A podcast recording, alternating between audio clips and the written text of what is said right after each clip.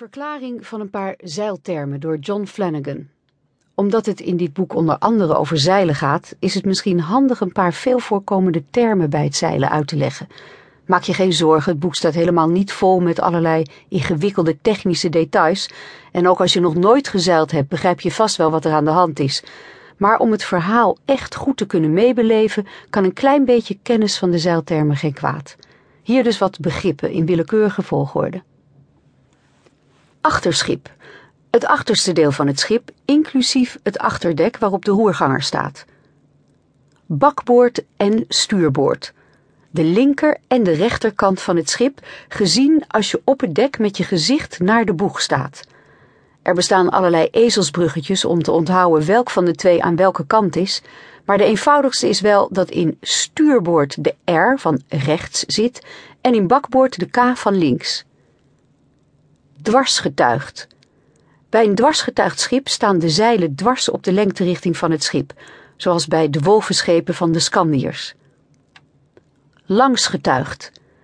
Bij een langsgetuigd schip staan de zeilen in de lengterichting van het schip, zoals bij de reiger. Ra. Rondhout aan de bovenkant van het zeil van een dwarsgetuigd schip.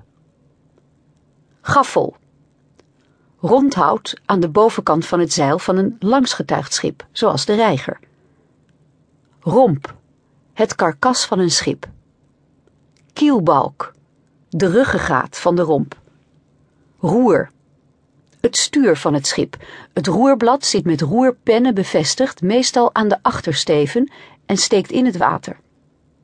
Helmstok, het handvat waarmee het roer kan worden bestuurd. Verschansing, het deel van de zijkant van een schip dat boven het dek uitkomt. Korvijnagels, houten klossen waar touwen aan vast worden gemaakt. Oploeven, naar de wind toedraaien. Afvallen, van de wind afdraaien. Loefzijde, kant van het schip waar de wind vandaan komt. Lijzijde, kant van het schip die van de wind is afgekeerd benedenwinds. Gebied ten opzichte van jezelf waar de wind heen gaat. Overstag gaan. Het schip zodanig een andere kant op sturen dat het door de wind heen draait. Je kunt niet met je schip recht tegen de wind invaren. Daarom moet je steeds overstag gaan en zo bereik je al zigzaggend je bestemming. Halzen. Als een schip overstag gaat, draait het door de windrichting heen om van koers te veranderen. Bij halzen draait het schip juist van de wind weg, in een veel grotere boog. Voor wolvenschepen die er niet op gebouwd waren dat de wind vol van voor in het zeil blies, was halzen een veiliger manier om overstag te gaan. Windvaan. Wimpel op de achtersteven die de windrichting aangeeft. Strijken. De zeilen neerlaten. Reven. Een deel van het zeil op de ra of de gaffel binden, waardoor het oppervlak van het zeil kleiner wordt. Dit gebeurt als het erg hard waait. Reefknuttels. Touwtjes in een rechte lijn naast elkaar op ongeveer een derde van het zeil, waarmee een stuk van het zeil kan worden opgebonden als besloten wordt om te reven. Val. Touw waarmee het zeil gehesen wordt. Schoot touw waarmee je het zeil kunt strak trekken. Stag.